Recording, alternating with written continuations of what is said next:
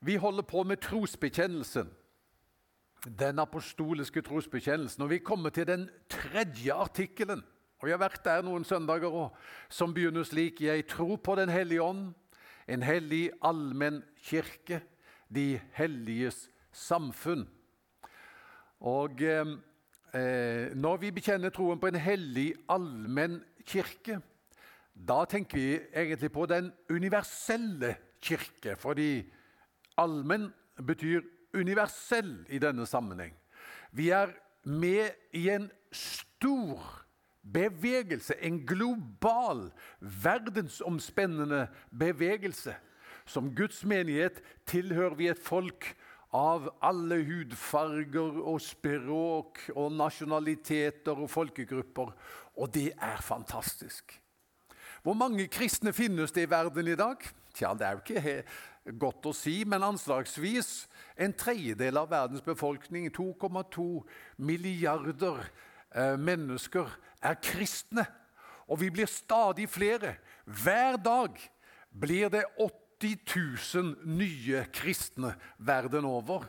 Og det plantes hver dag 510 nye menigheter. Så det Ja, vi kan klappe for det. Ja, Det er faktisk rekord. Vi har aldri vært så mange som vi er i dag. Og Hvis du har lyst til å feire noe i morgen, så kan du feire at det, vi har aldri vært så mange som vi, vi er i morgen. For vi blir stadig flere. Så den universelle kirke, den er vi en del av. Når vi skal i dag tale om de helliges samfunn, så snakker vi mer om den lokale menigheten. Fellesskap av kristne som samles i bygd og i by.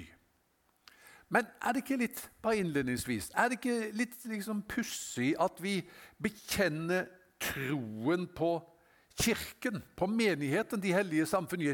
Vi, vi sier at vi tror på Gud, Gud Fader, vi tror på Jesus, vi tror på Den hellige ånd. Men hva med, med dette å bekjenne tro på menighet og kirke, er det strengt tatt nødvendig. Også ateister og agnostikere de ser jo at kirken er der. Det finnes jo eh, menighet overalt. Eh, så, så hvorfor liksom er det nødvendig å bekjenne troen på det? Vel, det er nok mange som har avskrevet Kirken. Plassert Kirken ute i samfunnets periferi, langt der ute i en ytterkant. Man har ikke tro på menighet og på kirke. Eh, så la meg bare innledningsvis si det gjør jeg. Og nå blir du sikkert overrasket. Jeg tror på de hellige samfunn. Det, det gjør vi jo. Det er derfor vi er her. Og eh, Vi skal nå eh, i dag snakke om hva betyr det å tilhøre den universelle og den lokale kirke. Hva er det menigheten er kalt å være, og hva er det menigheten er kalt til å gjøre? Det korte svaret. Og eh, Du skulle jo hatt sånn som Leif til å gi det korte svaret. Han er god på det. Jeg skal gi deg det lange svaret, nemlig. Men det korte svaret det finner du i Matteus 5. Og Der står det om en by på et fjell. Hva er menigheten kalt til å være og kalt til å gjøre? Være en by på et fjell. Hva er det, da? En by på et fjell? Ja, vi bor jo i en by allerede, så sånn sett så er menigheten en by i byen. Et alternativt samfunn, et annerledes folk. Og Guds tanke med menigheten det er at vi skal demonstrere hva det er han tenkte da han skapte mennesket og skapte oss for å leve i fellesskap med hverandre. En by på et fjell et alternativt, annerledes folk. Som går motstrøms, men demonstrerer eh, Guds rike verdiene. Det lange svaret det finner vi i Johannes 21, og Elin har allerede lest det. og Derfor skal ikke jeg lese det nå. Men Johannes evangelium kapittel 21 er skrevet for å fortelle oss hva menigheten er tenkt å være, og hva menigheten er tenkt å gjøre. Det er liksom Guds tanke med menigheten som kommer til uttrykk i Johannes 21. Og da ser vi i det avsnittet som Elin leste, tre scener. Den ene scenen det er eh, noen som fisker ute på Genesaretsjøen. Den andre scenen det er den samme gruppa av disipler, men nå er de samlet rundt et bål ved stranden, og Jesus er der i midten. Eh, et midtpunkt for dem. Og den tredje scenen det er en fortrolig samtale mellom Jesus og Peter. Og Når jeg taler om menighet, så pleier jeg ofte å referere til og dere, Noen da dere sier det, det var da voldsomt så ofte han kommer tilbake til det. Men du vet, det er ved gjentagelser at ting skal gå inn. ikke sant? Jeg pleier å referere til opp og inn og ut. Det er menighet. De hellige samfunn lever i tre dimensjoner. Ut det er garn i sjøen. Inn det er samling rundt et bål. Og opp det er den fortrolige, lidenskapelige, full av pasjon, relasjonen til Jesus. Opp, inn og ut. La meg begynne med ut. Vet du det? Jeg har jo vært menighetsrådgiver i Misjonskirken Norge i seks og et halvt år. Og eh, da kjører vi jo noe som heter Menighetsskolen. Har dere hørt om det? Ja, vi gjør jo det i Salomo. Og En del av menighetsskolen det er at man foretar en eh, undersøkelse på nettet av eh, sterke og svake sider ved menighetslivet. Og da er det sånn at menighetene i Misjonskirken Norge som har tatt den, de sterkeste sidene, det er opp og inn. Og samtlige sier at den svakeste siden som vi har, det er ut. Det er der vi strever. Så jeg tenker at eh, hvis det er noe vi må liksom eh, sette fokus på som kirkesamfunn og som lokalmenigheter òg, så er det hvordan kan dette se ut? At vi eh, skal leve i den dimensjonen også, og lykkes med det. Ok, Punkt nummer én det er altså garn i sjøen. Hva er det menigheten er kalt til å gjøre? Menigheten er kalt til å ha garnene i sjøen. Det var jo fiskere Jesus kalte til disipler. Og så sier han til dem 'Følg meg, så skal jeg gjøre dere til menneskefiskere'. Hva betyr det å være menneskefisker? Tenk litt på det. Hva betyr det å være menneskefisker? Ja, det betyr jo å lede mennesker til tro på Jesus. Gjør det ikke det? Jo, det gjør det.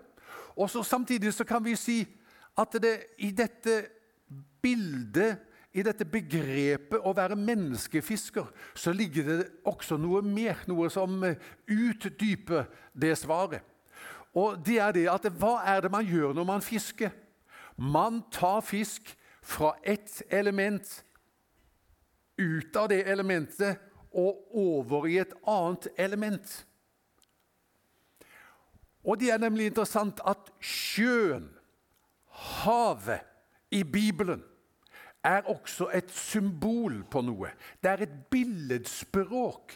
Og sjøen og havet taler om kaos, om uro, om mørke, om undervannskrefter. Dette er billedbruk i Bibelen uh, knyttet til sjø og hav. Og Når vi da er kalt til å være menneskefiskere, så handler det om å bringe mennesker ut av havet. Hohoi. Ut av en dimensjon, ut av et, av et rike som er preget av kaos, av uro, av mørket, av undervannskrefter. Bringe dem ut av det og inn i et annet element. Nå passer det ikke godt å si at, at ja, vi har det som kua på den grønne eng og som fisken på land. Altså, Å ha det som fisken på land, Da tar vi dette bildet litt for langt. Det skjønner vi. Men det handler altså om å bringe mennesker ut av denne dimensjonen preget av uro og mørke og inn i Kristi rike. Det er vårt kall. så meningsfullt. Det skal vi være med på. Nå var det sånn, Vi leste det i teksten at eh, disiplene hadde ikke lykkes så godt denne gangen. De hadde arbeidet hele natten, og de hadde ikke fått fisk.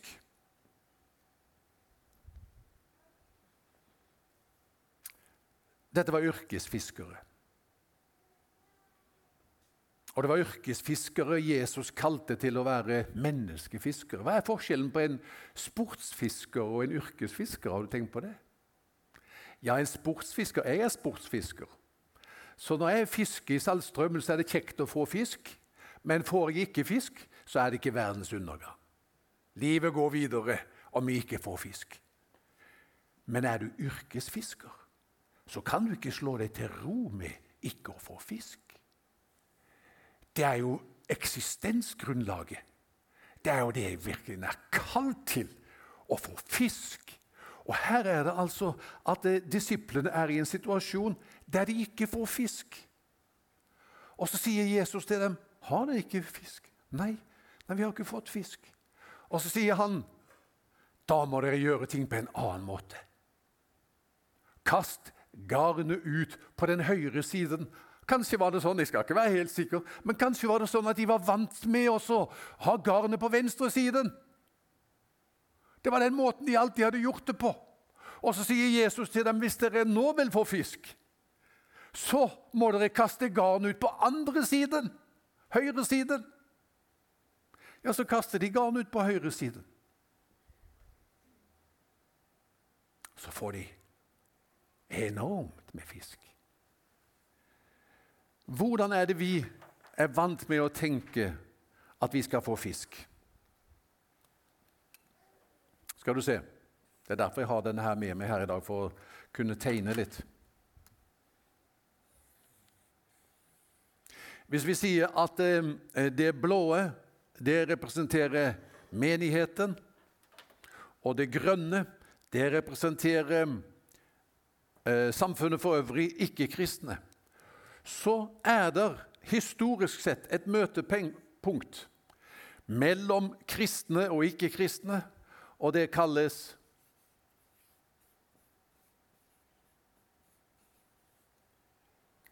møter. Der er de kristne, der er de ikke-kristne. Hvor treffes vi? På møter! Ja, historisk sett så var det jo sånn Ethvert bedehus hadde et galleri, og jeg har fortalt om dette før, at de kristne, når de gikk på bedehuset, så gikk de inn i salen. Og de ikke-kristne de gikk opp trappa på galleriet. Og mor hun ble forskrekket når hun så han Peder gikk opp trappa. Neimen, Peder, går du på galleriet? For det var en, et uttrykk for noe. Han definerte seg ikke som innenfor, han definerte seg som utenfor. Men de var på galleriet. Så hver søndag, enten det var gudstjeneste da, klokka 11 eller det var på bedehuset klokka 19, jeg vet ikke, så fantes det møtepunkter mellom kristne og ikke-kristne. Og der kunne man hive ut garnet, og der ble mennesker frelst. Hvordan er det i dag, hvis vi nå hadde liksom kunnet tatt en håndsopprekning? Men det gjør vi ikke, det, og vi vil jo ikke liksom eksponere eh, noen. Men ikke, hvor mange er ikke kristne her i formiddag? Nå må Du ikke, du behøver ikke lukke, rekke på hånda. Men om vi gjorde det Galleriet er iallfall tomt, det kan jeg fortelle dere. Det er ikke noen på galleriet. Dumt. I dag kan det være sånn at å tenke at det er på møtene det skjer, det er det samme som å gå til elvebredden hvis du skal fiske laks og så sette opp et skilt. De laksene som vil la seg fiske, bes møte opp her søndag klokken 11 for å la seg fiske. Ikke sant? Det er jo ikke sånn det skjer lenger. Kast garnet ut på den høyre siden. Du må gjøre det på en annen måte enn du er vant til om du vil få fisk. Og nå er du spent. Nå husker jeg ikke hvilken farge jeg brukte på, på hva. Her nå må vi se, så vi holder oss til. Blått først. Det er de kristne. Her har vi de ikke-kristne. Og det feltet her Vi må føre på litt blått da. Det kalles hverdagsrelasjoner. Kan du lese det? Hverdagsrelasjoner står der. Jeg fant på noen nye bokstaver, ser jeg, men, men det, det, skal stå hverdagsrelasjoner. Der det før var møte som var møtepunktet mellom kristne og ikke-kristne, så er det ikke der i dag. Og skal vi liksom bety en positiv forskjell, hjelpe mennesker ut av havet med det det innebærer, og inn i Kristi rike, så må vi orientere oss i, ut i hverdagsrelasjoner. Hvordan er det det skjer i dag? Vi må mingle med naboer. Vi må ha god kontakt med eh, slekt, familie, kolleger, ikke-kristne venner. Dette fellesskapet. Og kristendom spres ved smitte. Det er dette at ikke det ikke er kontakt som er den store utfordringen i dag. Bente og meg, så Bente sitter her nede. Vi har, eh, hvor mange har vi her eh, i, i, i Søgne? Vi har eh, en, to, fem barnebarn som alle har hatt vannkopper den, siste måneden. Og det er veldig enkelt. Først få én vannkopper, og så bare har vi en liten fest i svingen, og så har alle vannkopper. Og faktisk Kristian han fortalte det at, uh, Vår sønn han fortalte det at uh, det er faktisk uh, barnefamilier jeg vet ikke om det er et tips til dere, men det er barnefamilier som arrangerer smittefester. Fordi det er en fordel å få vannkopper når du er liten. Og derfor så Når du har småbarn som ikke har du kjenner noen andre som har vannkopper, så arrangerer vi fest. Det er pølser, og så er det potetstappe, og så er det mye vannkopper eh, i lufta. Og så, så blir man smittet. Sånn er det det skjer. Hverdagsrelasjoner. Så det er det ene. Det er det ene punktet. Garn i sjøen. Har du garn i sjøen? Det er vårt kall. Det andre punktet det var dette med samlingen rundt bålet. Når de har vært der ute og fisket, så, de, så, får de jo en svær fangst, og så ser de en mann som står der ved stranden. Og eh, De har en samtale med ham. Han har gjort opp ild, han har forberedt et måltid. Og så sier Johannes, den disippel Jesus elsket, Det er Herren. Og så er det inn. Og så samles de der rundt ham. Og bålet er der, og de spiser, og de har fellesskap. Og dette er så viktig.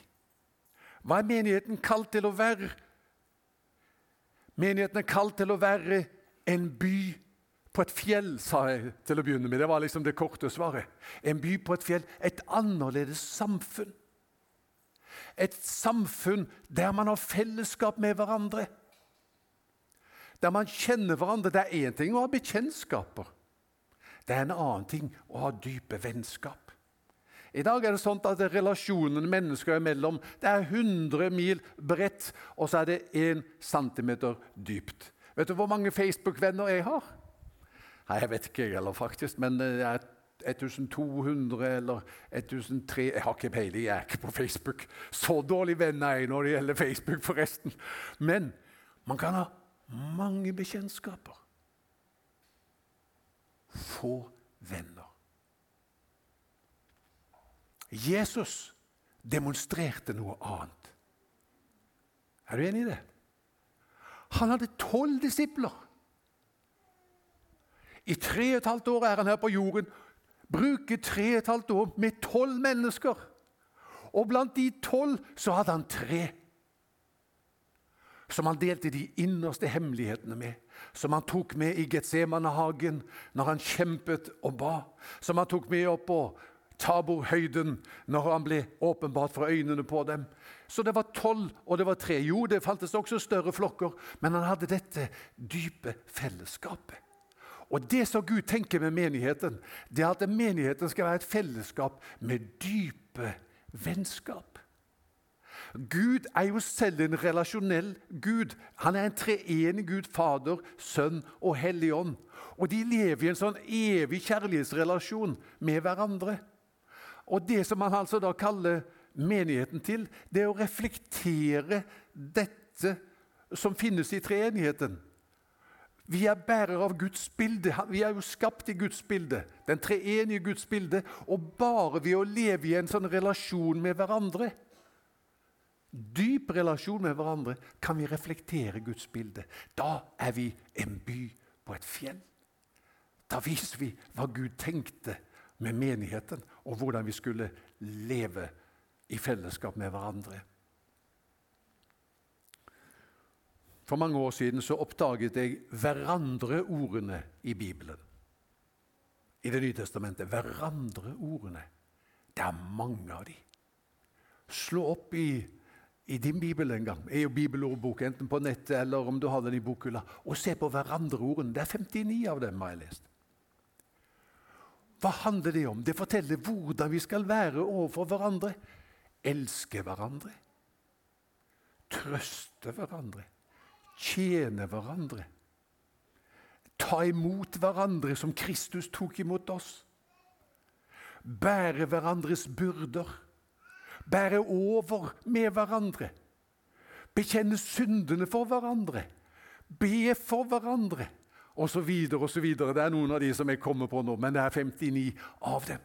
Og så er spørsmålet hvor og hvordan kan vi gjøre det? Hvordan kan vi hvordan kan dette få konkrete, praktiske uttrykk? Bekjenne syndene for hverandre, f.eks. Hvor og hvordan? Vi trenger det lille fellesskapet. I tillegg til stor, Vi trenger storsamlingen. Og det gjelder storsamlingen at det, jo flere, jo bedre. Det er jo, det er jo sånn barnefamilier at de tenker Nå ser jeg på noen barnefamilier som sitter der nede. De tenker nei, nå har vi fått to barn. Nei, det får være nok. Eller de sier 'nå har vi tre'. Det får være nok. Eller maks Kanskje noen tenker fire, men der går grensa. Hvordan er det for oss? Har vi plass til flere? Ja, vi har plass til flere. ikke sant? Jo flere, jo bedre. Og storsamlingene det er en plass der alle kan samles. Men vi trenger også de dype relasjonene. Og vi mennesker vi er som legoklosser. Leif og Anke de kjenner, de kommer fra legoklossenes hjemland. Hvor mange klosser kan man få på en annen legokloss, så er den full? Ja, det er tusenkronersspørsmålet, Leif. Jeg vet ikke helt, det. Men det er, det er ikke så veldig mange. Så er legoklossen full. Og sånn er det for oss òg. Vi kan ikke ha 50 dype relasjoner. Men vi kan ha åtte 10, 12. Skjønner du hvor jeg vil hen?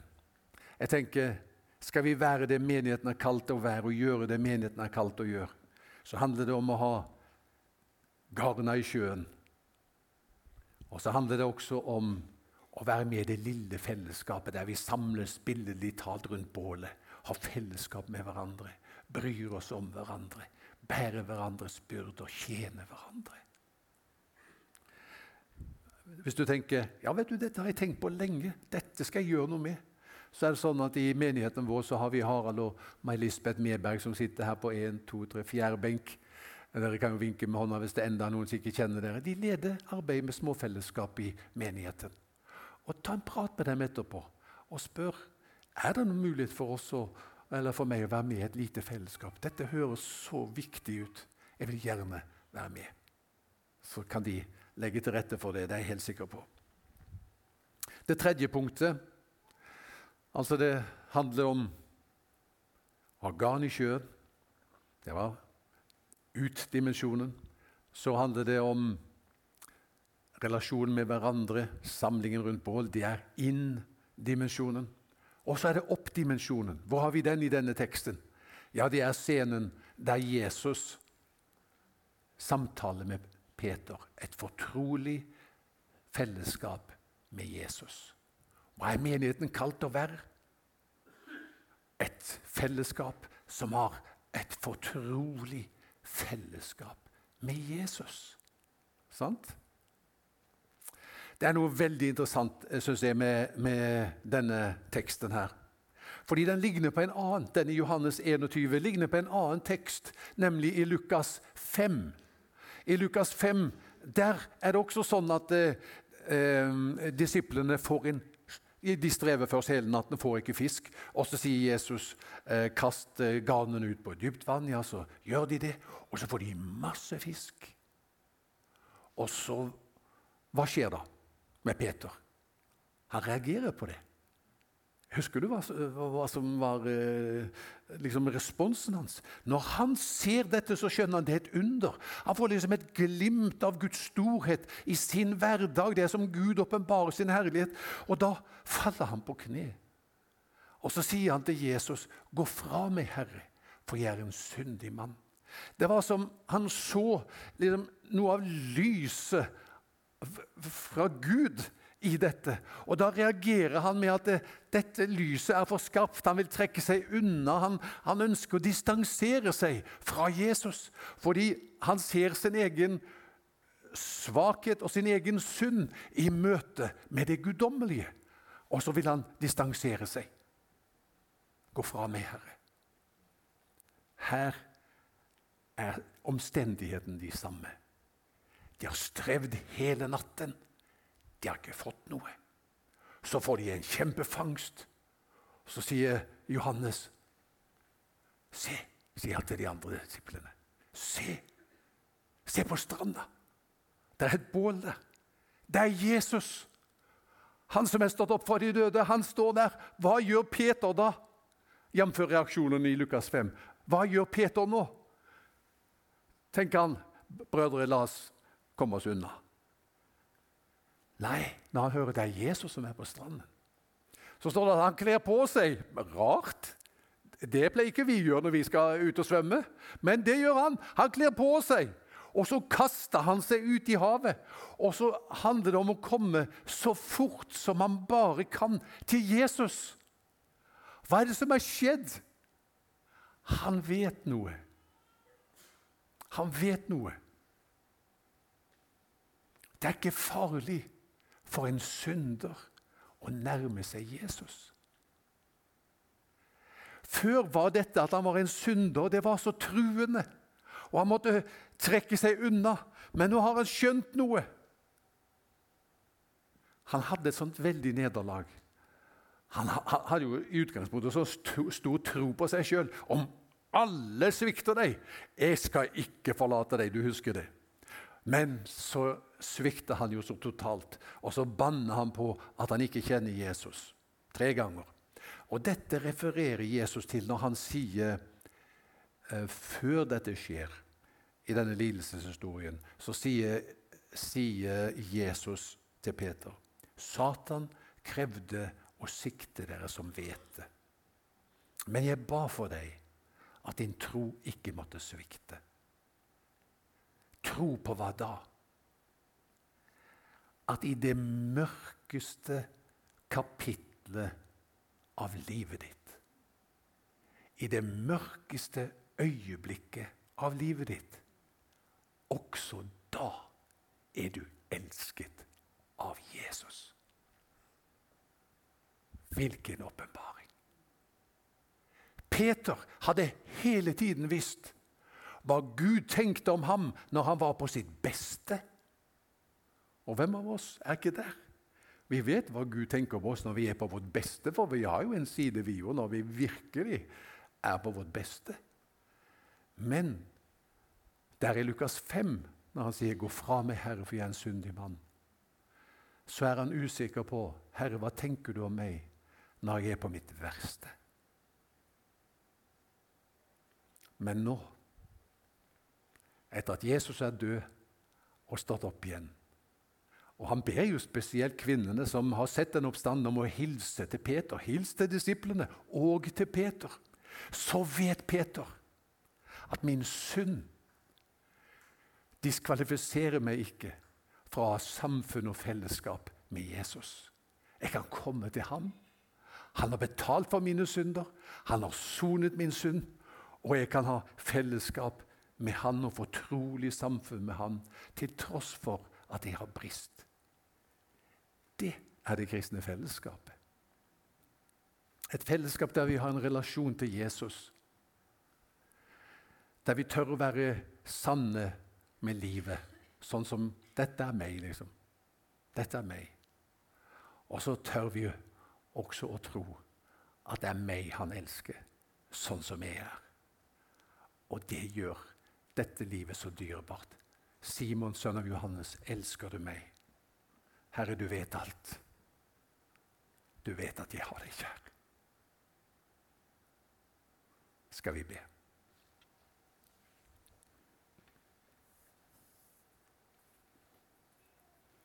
Herre, vi takker deg